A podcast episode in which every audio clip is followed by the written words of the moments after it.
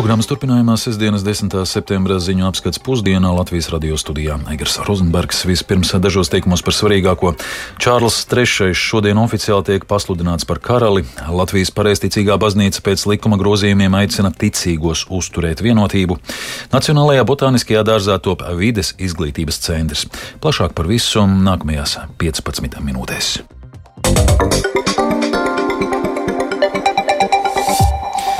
Ukrainas spēki sasniedz arvien lielākus panākumus, atbrīvojot uz laiku okupētos Harkivas apgabala rajonus.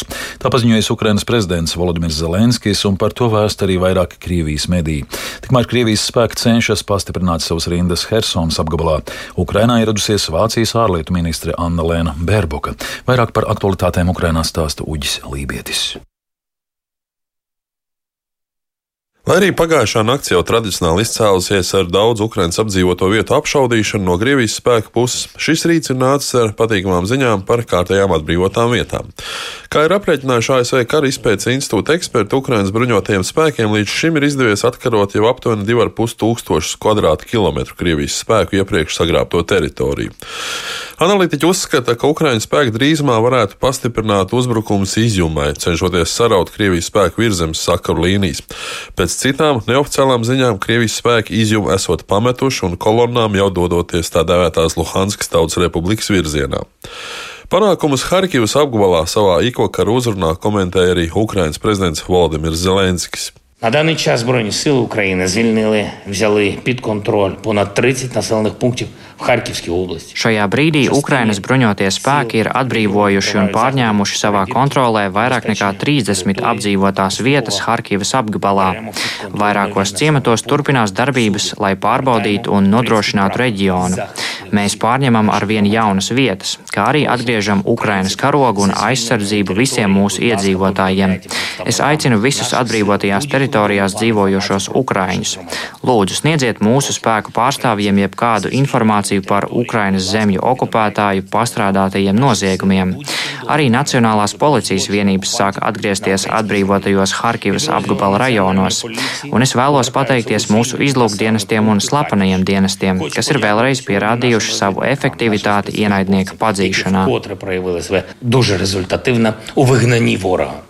Дякую. Kā uzsver Zelenskis, protams, nedrīkst aizmirst arī par citiem reģioniem, jo aktīvas cīņas notiek gan Donbasā, gan valsts dienvidos. Pēdējo nedēļu laikā visai iepriecinošas ziņas tika saņemtas par Ukraiņas spēku panākumiem arī Helsonas apgabalā, taču šodien saņemta informācija, ka uz šo reģionu ir pārsūtīts arī tā dēvēto Kadīroviešu pulks aptuveni 1300 karavīru. Iepriekš gan par šo spēku efektivitāti ir izskanējušas ļoti pretrunīgas ziņas. Joprojām pretrunīgas ziņas ir arī pieejamas par kara darbībā bojā gājušajiem. Kā ir paziņojusi apvienoto nāciju organizācija, pēc tās misijas aprēķiniem kopš 24. februāra Ukraiņas karā dzīvību ir zaudējuši vairāk nekā 14,000 civiliedzīvotāji.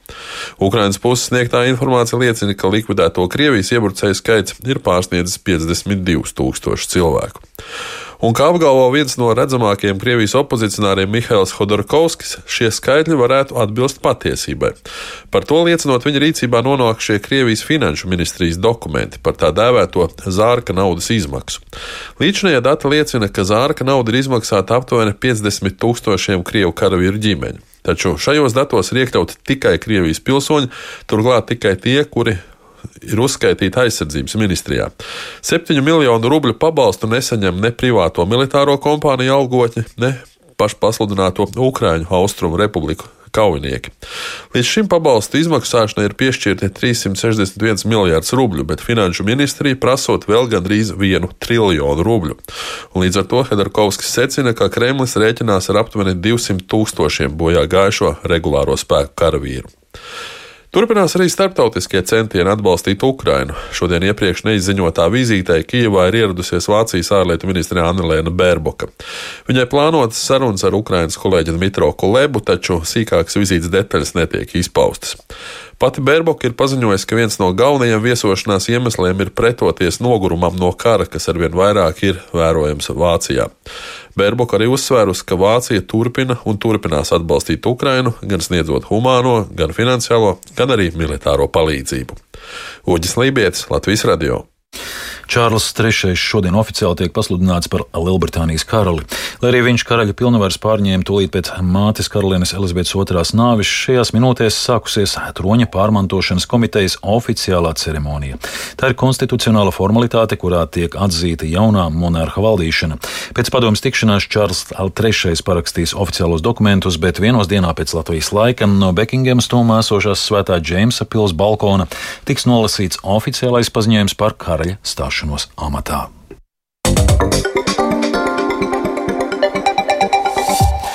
Latvijas pareizticīgā baznīca pēc likuma grozījumiem, kas to normatīvo aktu līmenī nošķir no Maskavas patriarchāta, aicina ticīgos uzturēt baznīcas vienotību stingri ievērojot mūsu Latvijas valsts likumus, norādīts baznīcas paziņojumā. Tie akcentēts, ka Saima pēc valsts prezidenta iniciatīvas veikusi grozījumus Latvijas pareizticīgās baznīcas likumā, kas nosaka tās patstāvīgo un neatkarīgo statusu. Valsts noteikusi, ka Latvijas pareizticīgā baznīca ir juridiski neatkarīga no jebkura baznīcas valsts centra, kas atrodas ārpus Latvijas. Šodien stājas spēkā grozījumi Latvijas pareizticīgās baznīcas likumā, kas pilnā mērā nostiprina baznīcas autokefālo statusu. Līdz šim Latvijas pareizticīgā baznīca darbojās zem Maskavas patriarchāta, kas savukārt atbalsta Krievijā valdošo režīmu un šīs valsts kārdarbību pret Ukrainu. Līdz ar valdības veiktiem grozījumiem regulējumā arī turpmāk maksājumu veikšana uzņēmumam Latvijas gāze paliks nemainīga. Klienti varēs par gāzi maksāt gan pēc izlīdzinātā maksājuma principa, gan pēc faktiskā ikmēneša patēriņa. Tiesa šāda kārtība saglabāsies tikai līdz nākamā gada marta beigām, lai lietotāji līdz pilnīgai dabas gāzes tirgus atvēršanai varētu pilnībā norēķināties par iepriekš saņemto gāzi. Latvijas radio aptaujātie iedzīvotāji, kas mājokļa apkurināšanai izmanto gāzi, atzīst, ka šoziem izlīdzinātā maksājuma iespēja pavisam noteikti noteikti saglabās, jo tas ļaus izvairīties no neprognozējumiem ikmēneša izdevumiem laikā, kad gāzes cena nav vienīgā, kas būtiski pieaugusi. Plašāk par tēmatu Lindas Zalānas ierakstā. Vineta Mikitāne dzīvo privātmājā un ik mēnesi par gāzi, kuru izmanto gan apkurē, gan siltā ūdens uzsildīšanai, maksā 360 eiro, un tas ir sešas reizes vairāk nekā pirms gada. Uz jautājumu, vai būtu gatava maksāt pēc faktiskā patēriņa, Vineta pauž šādi. Tas nozīmē to, ka es būtu vienkārši parādā Latvijas gāzē ziemas periodā, un visticamāk, ka periodā, kad tā apkurnās, vienkārši viņa apmaksātu. Nevarētu samaksāt par gāzi, nezinu, 700 eiro mēnesī vai 800. Vīneta atklāja, kā ikdienā taupa siltumu. Meita vairs neiet tik bieži vannā, radiatoriem ir salikti regulātori, septembrī apkuri neslēgšu iekšā, lai gan ir drēgnis. Neturēšu tik karstu temperatūru neturēšu logus kā vaļā, kā man iepriekš bija, kad es kurināju un turēju logus vaļā, jo man patīk silts un svaigs vienā laikā. Kad iešu ārā no mājas, tad noslēgšu temperatūru 16 grādiem. Knuts Raudseps teica, ka par gāzes apkuru maksā piecas reizes vairāk nekā pirms gada, un viņš ir pārliecināts, ka gadījumā, ja nebūtu izlīdzinātā maksājuma iespēja, tad cilvēkiem šoziem būtu grūti samaksāt apkurses rēķinu cilvēki, ņemot vērā krīzi, varbūt ir saplānojuši kaut kādus pusgadu gadus priekš, kad, kuros mēnešos viņiem būs cik liela ienākuma un cik liela izdevuma.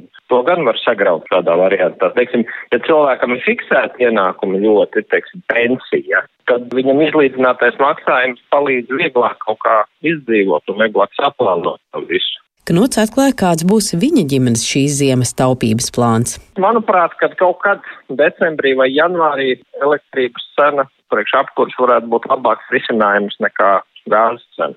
Es pilnīgi pieļauju, ka mums nāksies pāriet uz elektrības apkuri, ja vienkārši tā būs lētāk. Sanita Maža stāsta, ka privātmājai gāzi izmanto apkurei un arī izmanto izlīdzināto maksājumu, bet būtu gatava maksāt arī pēc faktiskā patēriņa, ja būs tāda nepieciešamība. Es domāju, ka cilvēki uztraucās, jo viņi varbūt baidās no kaut kādiem pēkšņiem milzīgiem rēķiniem ikmēneša, varbūt baidās, varbūt kāds ir pieredzis pie kaut kādas prognozējumības, kad katru mēnesi kaut kāda summa noteikti tiek atlicināt no budžeta. Bet nu, tagad tā situācija, kāda ir, tāda ir. Diemžēl jāsaskarās ar tādām nērtībām, bet labi, ka pie mums ir miers. Latvijas gāzes maisaimniecību departamenta vadītāja Diana Tiviča pauž, ka kamēr gāzes tarifi katru pusgadu būtiski nemainījās, izlīdzinātais maksājums bija optimāla norēķina sistēma, bet pēdējo pusotru gadu gāzes tarifi kāpj un līdz ar to izlīdzinātais maksājums pēc viņas paustā ir emocionāli pamatojams. Tā realitāte tiek atlikta uz vēlāku laiku, un tad jautājums, kāda būs situācija pavasarī, vai klienti spēs paredzēt, ka viņi tiks galā ar to aprīļa pārēķinu un spēs samaksāt tās saistības, kas būs radušās šajā ziemas periodā, jo atbalsts, protams, ka tiek piemērots, bet otrs mēs neviens nespējam prognozēt, kāda būs ziema. Bet tieši apkuras klientiem ir svarīgi, piemēram, rūpēties par to pašu energoefektivitāti, jo saņemot aprīlī vairs nevarēs mainīt to, kurā brīdī ir ieslēgta apkura. Šomēnes Latvijas gāzes klienti saņemtajā rēķinā ieraudzīs, cik liels bijis valsts atbalsts jūlijā un augustā. Lielai daļai veidosies arī pārmaksa. Diana Tivča aicina to atstāt nākamajiem apkurs mēnešiem. Tāpat klientiem būs jāizlem, vai tie turpinās līdz pavasarim maksāt izlīdzināto maksājumu vai pēc faktiskā patēriņa. Linda Zalāne, Latvijas radio. Sezonas pēdējā Grand Slam turnīra tenisā US Open šonakt aizvadīti pusfināli vīriešu vienspēlēs. Abi mači ievilkās vairāk stundu garumā, un finālu sasniedz gados jauni tenisisti, kuriem tas ir lielākais panākums karjerā. Vairāk par notikumiem Ņujorkā un arī citām sporta aktualitātēm pastāstīs kolēģis Rēnis Grunspēņķis. Sveiks, Rēni! Sveiks, Aigar un sveicināt klausītāji. Nu, tieši tā, šoreiz Grand Slam finālā mēs neredzēsim ierastos pieredzējušos spēlētājus kā Rafaelu Nadalu vai Novaku Džokoviču, bet gan gados jaunākus spēlētājus. Vispirms pirmajā pusfinālā 23 gadus vecais Norvēģis Kaspers Rūts ar 7-6, 6-2, 5-7 un 6-2 pārspēja neitrālo sportistu Karenu Hačānovu un sasniedza savu otro Grand Slam finālu karjerā. Īpaši jāizceļ izspēle pirmā seta taibreikā, kad pēdējo punktu Norvēģis ieguva 55 sitienus ilgā izspēlē. Tā ilga minūti un 16 sekundes un bija garākā šajā turnīrā, pēc kā Rūts saņēma plašas ovācijas. Pirms tam Norvēģis spēlēja finālā šī gada French Open turnīrā, kur cieta pamatīgu sakāvi pret Rafaelu Nadalu. Bet Kaspera Rūda pretinieks finālā būs 19-gadīgais Karlos Alkaras no Spānijas, kurš vairāk nekā 4 stundu ilgā pietu sētu cīņā ar 6-7, 6-3, 6-1, 6-7 un 6-3 pieveica mainieku Francisu Tiafo. Abi finālisti pretendēs uz karjerā pirmo Grand Slam titulu, un uzvarētājs nodrošinās arī pasaules ranga līderu godu. Aigar? Kādiem sporta notikumiem jāpievērš uzmanība šīs dienas gaitā? Jā, nu sāksim ar pašmāju galvenajiem notikumiem. Jau pagājušajā nedēļā sākusies jaunā Latvijas hokeja virslīgas sezona, kas šogad pulcē komandas ne tikai no Latvijas, bet arī no Lietuvas. Jau pēc mazāk nekā stundas, pulksten vienos, Inbox ledus halē Piņķos tiksies divas komandas, kuras šo sezonu jau uzvarējušas pagājušās sezonas čempioni Zemgali, proti Rīgas Dinamo un Mogo LSPA. Ja Mogo hokeisti Jelgavnieks pārspēja diezgan pārliecinoši ar 3-0, tad Dinamo to paveica tikai papildu laikā. Un šo spēli tiešraidē būs iespēja vērot portālā sportcentrs.com. Mazliet vēlāk, pusdivos, hokeja skola Rīga tiksies ar prizmas vienību, savukārt piecos pēcpusdienā Viļņā viesosies Zemgali, tiekoties ar vietējo hokeja panks komandu. Taču visintriģējošākie notikumi šodien gaidāmi Eiropas čempionātā basketbolā, kur sāksies izslēgšanas spēles, jeb astodaļfināli. Visas komandas ir pārcēlušās uz Berlīni, tomēr jau atkal dzirdama kritika, kas veltīta organizatoru virzienā. Turcijas izlases treneris Sergins Atamans nebija apmierināts ar ilgo ceļu no Tbilisī un divu stundu gaidīšanu lidostā pēc bagāžas, kā rezultātā nokavēts oficiālā treniņa sākums kā arī ļoti mazo apmeklētību grupu turnīra spēlēs Gruzijā. Bet Slovenijas izlase ieradusies uz treniņu Berlīnē, sastapusies ar secinājumu, ka Lukam Dončičam un viņa komandas biedriem nav iedalīta ģērbtuve, līdz ar to paģērbties nācies turpat blakus laukumam. Pirmās astotdaļfināla spēles paredzētas visas sestdienas garumā, sākot ar pulksteni vieniem dienā pēc Latvijas laika, kad tiksies Turcijas un Francijas izlases. Bez tām par vietu ceturdaļfinālā šodien spēkosies arī Slovēnija pret Beļģiju, Vācija pret Melnkalni un Lietuvu pret Spāniju. Par sportu man pagaidām tas arī viss. Paldies, Rēni! Dzirdējāt 10. septembra ziņu apskatu pusdienu. Producente Aiga Pelāne par skanējumu rūpējās Iveta Zvēniece un Kaspars Groskops. Studijā Aigars Rozenbergs vēlreiz par svarīgāko.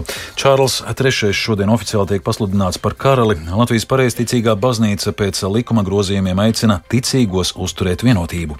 Mūsu ziņām var sakot līdzi arī Latvijas Radio 1 Facebook lapā un LSMLV. Raidījuma atkārtojums meklējams raidierakstu platformā kā dienas ziņas, un Latvijas radio lietotnē mūs var klausīties savā vietā tālrunī, jebkurā laikā, jebkurā vietā. Yeah.